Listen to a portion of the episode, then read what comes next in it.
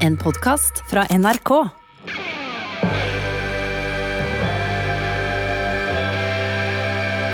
Velkommen til Gal og genial, en vitenskapsserie for det som elsker sære genier.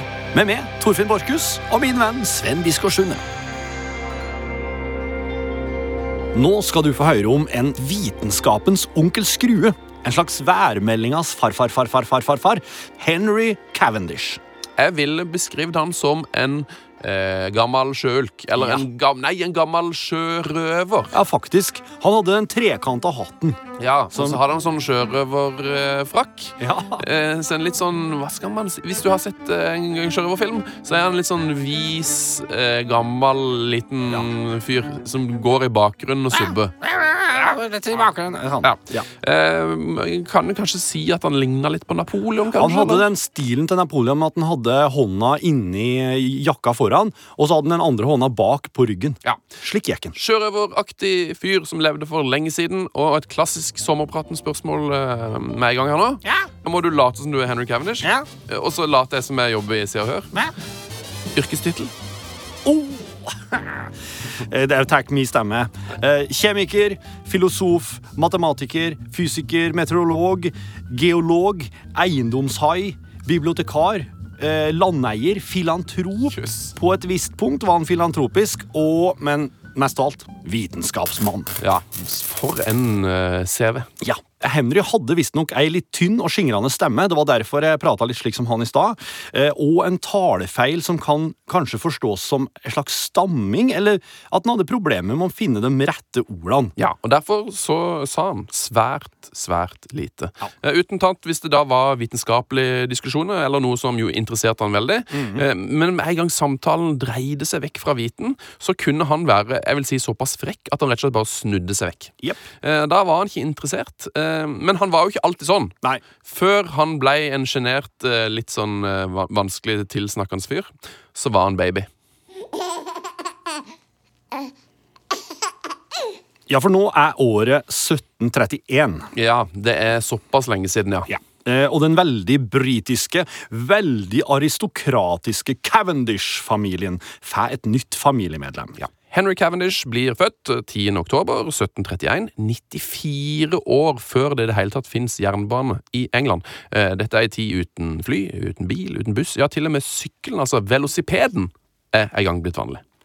Faren, lord Charles, han er andre hertug av Devonshire, og det er baroner. Cavendish-slekta er skikkelig gamleslekta i England. Og de er selvsagt styrtende rik, så Henry blir født i Nis i Nice. Frankrike. Det er veldig nice. Veldig nice. Der familien bodde på grunn av at mora, lady Anne, hadde litt dårlig helse. Ja, Familien Cavendish de hadde et eh, motto, Cavendo tutus, som betyr Trygghet gjennom forsiktighet. ja, Ja, at de er- Safe by being cautious. Ja, Og det her kommer til å gi mening ganske snart. Ja, trygghet gjennom forsiktighet. Det kan du godt si. For allerede her nå, to år ut i Henry sitt liv, skjer det noe som skal forandre alt. Ja, nå skjer det noe utrolig eh, viktig. Det her kommer kanskje til å påvirke han mer enn eh, han nesten skjønner sjøl. Ja. for nå skjer det noe som vi kan se spor av gjennom hele livet. Eh, Absolutt. Mora, lady Anne the Grey, som hun heter, hun dør dessverre når Henry er to år. Og de flytter da etter hvert hjem til London. Og her kan oss vel si at Henry sin relasjon til damer er over. Til alle kvinner. Alle damer Ja. heretter. Ja, for altså, eh, Livet hans sitt her Tenk nå. Han kunne vokst opp eh, i en eh, rik og lykkelig familie, med lang, men med Middelhav, i deilig Nis, kunne gått på stranda. Åh. Det kunne vært et sånn et paradis, på en måte. Ja. Alt kunne vært eh, helt annerledes. Eh, men de, eh, de flyttet til England, og mora er vekk. Det her gir Henry ei spesiell utfordring i livet. For hans kryptonitt, det blir nå damer. Det er, han, han klarer ikke å omgås damer. Han takler ikke kvinner i det hele tatt. Eh, Det går til slutt så langt at han på et tidspunkt i livet han, kom, han kommer til å bygge om huset sitt eh, for å slippe å møte kvinner. Men når han har flytta hjem til London i lag med faren og storebroren, kan da Henry boltre seg i et hus som er fullt av måleinstrumenter. Det er termometre, det er barometre, det er reagensrør, store og små kolber. Huset er en eh, lab. Ja. Det det bobler og syder i alle rom, og der er reagensrør og kolber overalt. Ja, fordi at far til Henry han er vitenskapsmann sjøl, og han har gjort store oppdagelser innafor termometeret. Så Ja. han blir veldig heimeundervist av far sin, lille Henry, nå. Ja, og nå, nå merker vi jo det som vi sa i stad, med at mora har blitt borte. For det, Henry eh, han eh, ser opp til sin far, Ja. eh, og de kommer til å bo sammen eh, i Great Marlborough Street helt fram til farens død. Eh, så han Eller, Ja. de skal ikke bo helt sammen, Nei.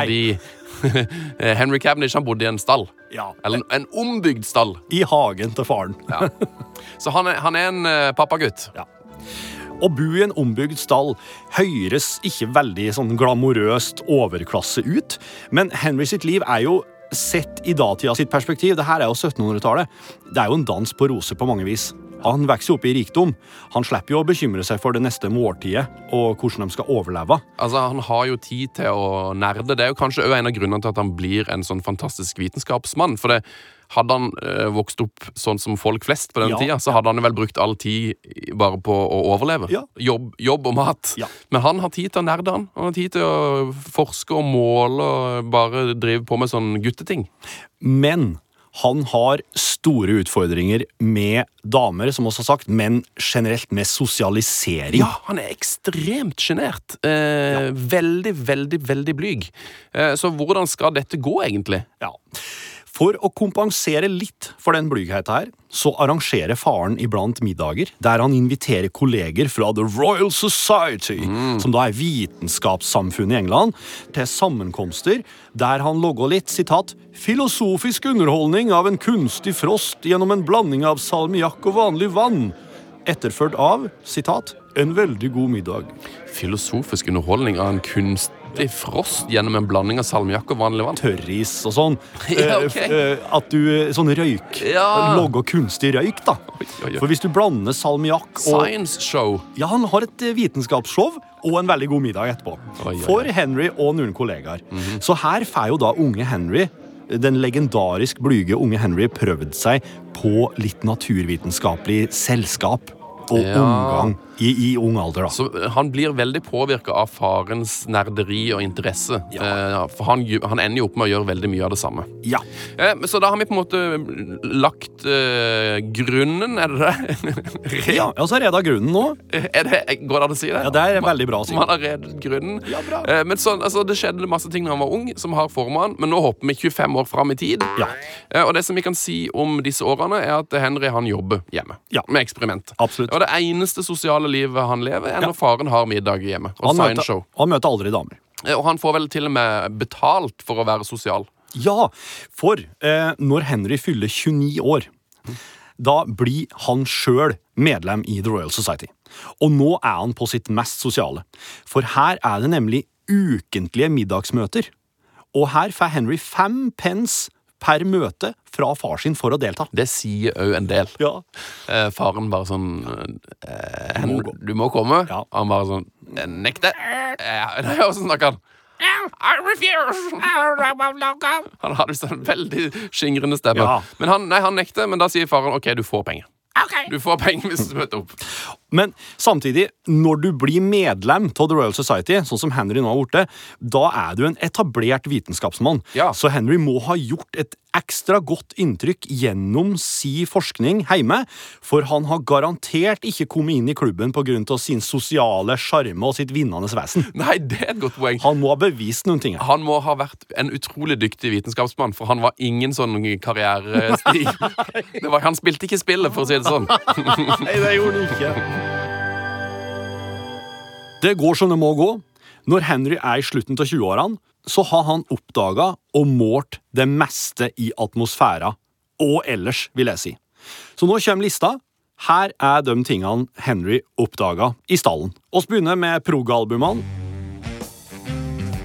I 1777 så gir han ut Experiments on Air, Et prog-album? Ja, jeg syns det høres ut som et prog-album. Ja, men det var ikke et prog-album. Nei, det er ei fullstendig oversikt over atmosfæren. Så dette er ei bok. Vitenskapelige utgivelser. Eh, On the Height of the Luminous Ark det er en annen favoritt Oi, her. oi, oi, ja, det høres jo ut som et prog-album, ja. Eh, Experiments on Ratbone Place. Den, Oi. den er litt mer creepy. Altså, det her er gøy. Det første høres ut som et, eh, et prog-album. Ja. Det andre var litt mer sånn metal-album. Ja. Mens Experiments on Ratbone Place det er jo en eh, film. En litt skum, noe, sånn hell, noe som kommer ut rundt halloween. Ja, det er sant. Det er en sånn en, det.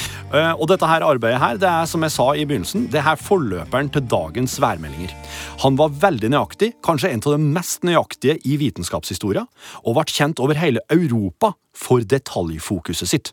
Og hvis Henry fikk tilsendt et måleverktøy av noe slag, så tok han det fra henne først for å sjekke at alt var i orden. Henry var den første til å isolere hydrogen. Han kalte det brennbar luft. Og Deretter så var han den første til å kombinere oksygen og hydrogen for å lage vann. Og her kommer det en quiz.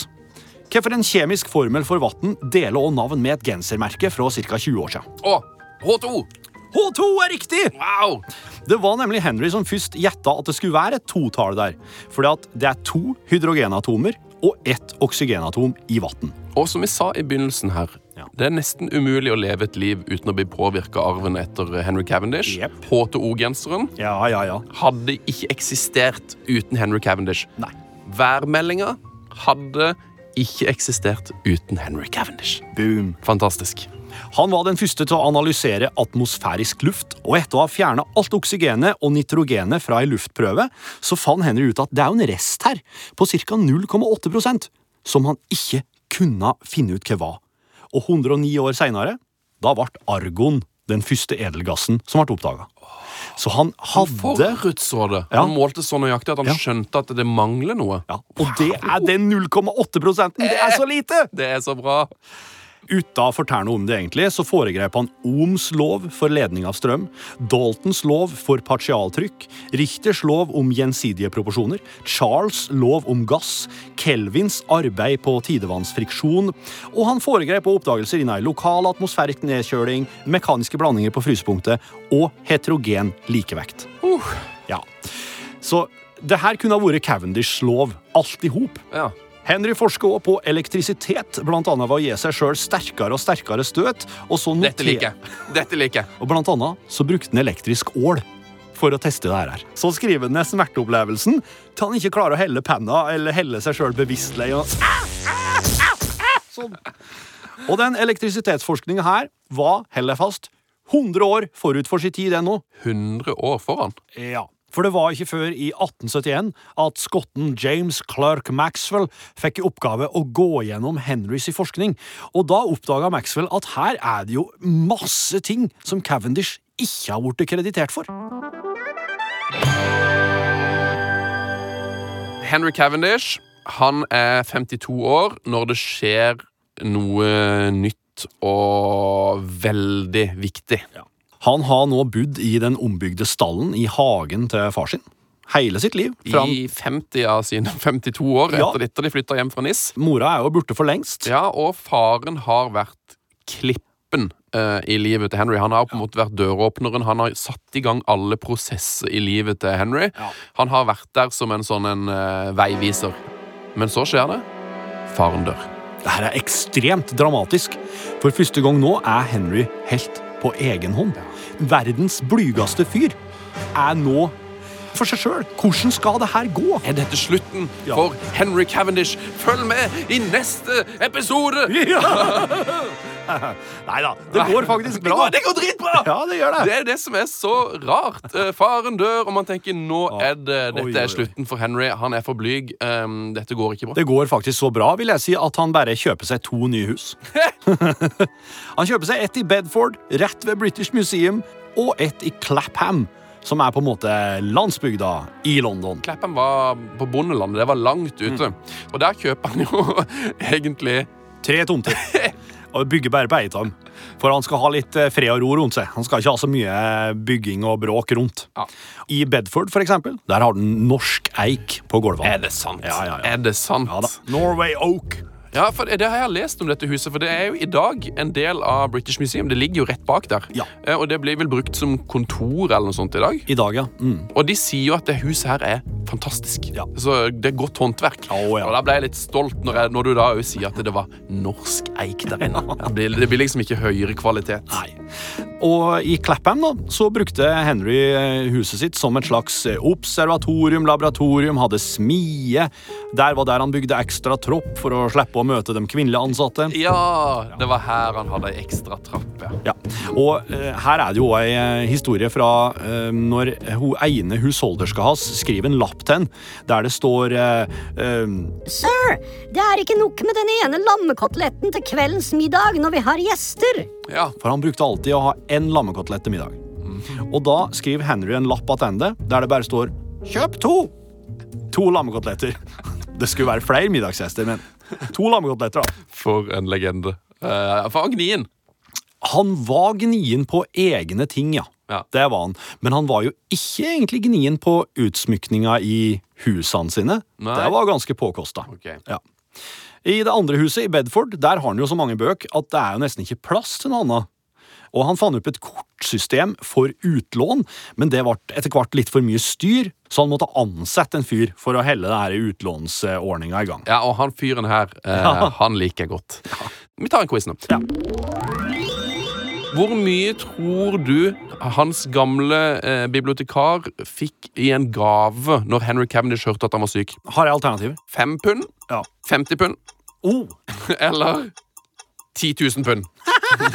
Som jo er Altså, hvor mye Jeg tror 10 000 pund var ca. 10 millioner. Ti millioner norske kroner i dag, ja. Ja, På så- den tida, ja. Ja. Da tipper jeg han ga han 50 pund. 50 pund. Det er feil! Det er ikke 50 pund. Det er Hold deg fast 10 000 pund. Han ga han 10 000 pund! Han gjorde Henry! 10 millioner kroner på den tida! Det, det er helt sykt. Henry foreslår derfor å gi ham 10 000 pund i gave. Altså omtrent 10 millioner kroner i dag. Helt sykt mye penger. Han fyren der går jo da fra å bli en litt sånn sjukelig eh, skranten fyr til å bli en Antakeligvis byens nest rikeste mann. Omtrent. etter Henry Cavendish. Så det er helt rått. Eh, Og det her er veldig gøy. eh, For det, er liksom, det at Henry var grådig og gnien, det Ja. stemmer altså ikke Nei. helt. Seg sjøl skal han ikke bruke noe særlig på. Men andre folk? Folk han liker å stole på, kanskje? Det kan være det. At han rett og slett bare har et hjerte av gull. At, eller kanskje han bare likte han fyren her veldig godt. I og med at han hater kvinner, kanskje, han, eh, kanskje det rett og slett var elskeren hans sin. Oh. Kanskje det er noe her. Dette er, kanskje. kun, dette er kun min teori.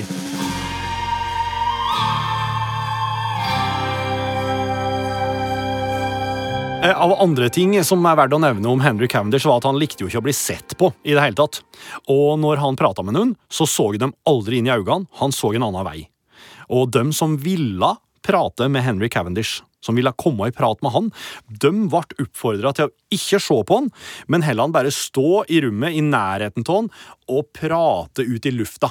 Som om de prata høyt med seg sjøl. Det er veldig rart. For hvis du da heller en god vitenskapelig prat gående med deg sjøl, kanskje Henry Cavendish interesserer seg. Kanskje han hiver seg på. Ja, kanskje han hiver seg på. Man kan argumentere for at Henry Cavendish hata fremmede. Ja. Det kan man glatt gjøre. Eh, og hvis han kom inn i et rom eh, og så noen han ikke kjente, Ja. hva gjorde han da? Han ville vekk, og han ga fra seg et høyt lyst kvepp. Ja, Og det var visstnok eh, jeg vet ikke, si et familietrekk for Cavendish-folkene eh, å være litt stille. Eh, de var ikke kjent for å være veldig pratsomme type. Nei. Det fins en nydelig anekdote. Ja. Eh, Der Henry og broren Frederick eh, De hadde tatt turen over den engelske kanalen til Calais, Jo. eh, hvor de skulle overnatte på et hotell. Eh, Og på vei bort korridoren der, så går de forbi et rom hvor det er et såkalt likskue. Ja, det er en død person som ligger i ei seng, og så kan dem som vil komme og se. Og når de da går forbi det rommet Tenker du, hva sier de da? Ja, De sier Ingenting. ingenting. Ingenting. Ingenting. Og så, neste dag, så skal de til Paris, og de sier jo nesten ingenting, disse folkene. Nei. Men så skjer det noe. Ja.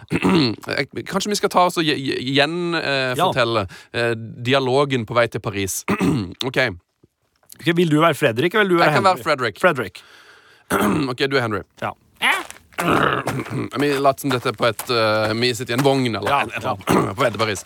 Eh, ok, så sier Frederick Did you see the corpse? I did. Og det var samtalen. I sin helhet. Og En gang så kom det også en fransk vitenskapsmann på besøk til The Royal Society. Han var veldig ivrig på å møte Henry, for jeg husker jeg sa det, han var kjent i hele Europa for sin nøyaktighet. Eh, Og han franskmannen her var en stor fan. Eh, Og når han da fikk møte Henry på The Royal Society, så begynte jo han franskmannen å Oi, très bien, oh, så, Ai, ai, ai. For å skraut av Henry, ikke sant? Noe sier meg at dette ikke er veien å gå. Og Henry sto bare helt urørlig og så ned i bakken når han ser ei åpning. Så bare springer han det forteste han kan, rett gjennom folkemengda, rett i hestevogna og rett hjem til Bedford. Eh, fu- Fun fact her. Den der hestevogna, der hadde så klart Henry montert et såkalt odometer som målte avstanden han reiste, så at han hele tida kunne helle styr på hvor langt han hadde reist. Åh, det er så rått for det og det. Altså, han er jo eh, målingens eh, far. Ja, han er det. Han er en målermester. I tillegg så gikk Henry ei fast rute i Clapham hver dag, og en dag så hadde et par lokale damer stilt seg opp for å se på han, for han var jo, de syntes jo han var litt spennende, han den typen der. Og da Henry kom gående og så at de så på han, da bråsnudde han og gikk hjem. Og etter det her så gikk han alltid kveldstur i stedet. Gikk ikke mer tur på dagtid, da. Oi, oi, oi. Vi kjører en quiz. Ok, Hvem er Englands rikeste mann på denne tida? åh. Det må være kong George. Feil. Isaac Newton. Feil. Er det Henry Cavendish? Henry Cavendish! Henry Cavendish er Englands rikeste mann. Han arva nemlig så mye penger av mors- og farsslekta at han ble Bank of Englands største innskyter. Altså den som hadde mest penger i banken! Eh, Øvrig formue besto i forsikringer, aksjer, kontanter og annet på totalt 892 254 pund, sånn cirka. Omregna til dagens eh, penger eh, fra 1810 Nesten en milliard. Altså 914 millioner kroner i, hadde han i banken. Han hadde nesten en milliard i 1810. Ja, ja, ok. Ok. Og, det, og nå er det gøy å tenke på øh, hun som han ikke gadd å snakke til, som jobber hjemme i huset hans sitt. Vi får besøk. Hvor mye ekstra mat skal vi kjøpe inn? Én kotelett. Det blir det blir én kotelett, ja. I 1810 så skjer det rareste til alt rart i Henry Cavendish sitt liv. Ok. ehm, noe som er rarere enn at han bygde en egen trapp for kvinner i huset sitt. Mye rarere. Mye rarere! Ok, ehm, rarere enn at fa Så det er jo rarere enn at faren betalte han penger for å være sosial. Ja. Ok. Han gjør to rare ting. Han måler noe veldig spesielt som aldri har vært målt før, som vi kommer til etterpå. Ok. Skal helle dere litt på pinebenken her nå. Og han skriver et testamente. Et testamente hvor han etterlater 15 000 pund til en kollega. 5000 til en annen kollega. Det er mye penger. 5000 til legen sin. Og 1000 til hver av tjenerne. Oi, oi, oi.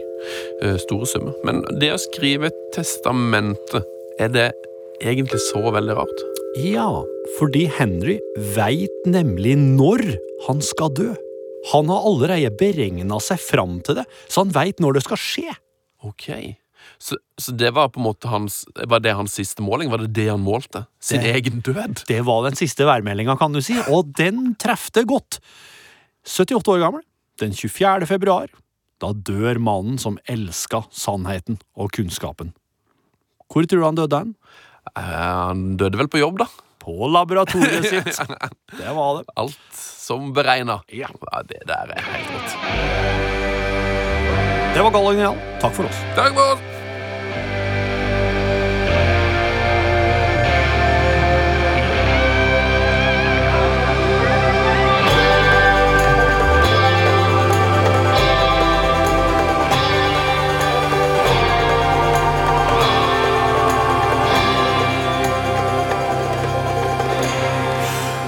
Denne podkasten er logget av Sven og Torfinn Erlend Lånke Solbu, kjenningsmelodi til Stian Karstensen, lyddesigner av Ingebjørg Hagerup og redaktør Eline Gevelte Andersen. Ny episode neste tirsdag. Vær velkommen. Du har hørt en podkast fra NRK.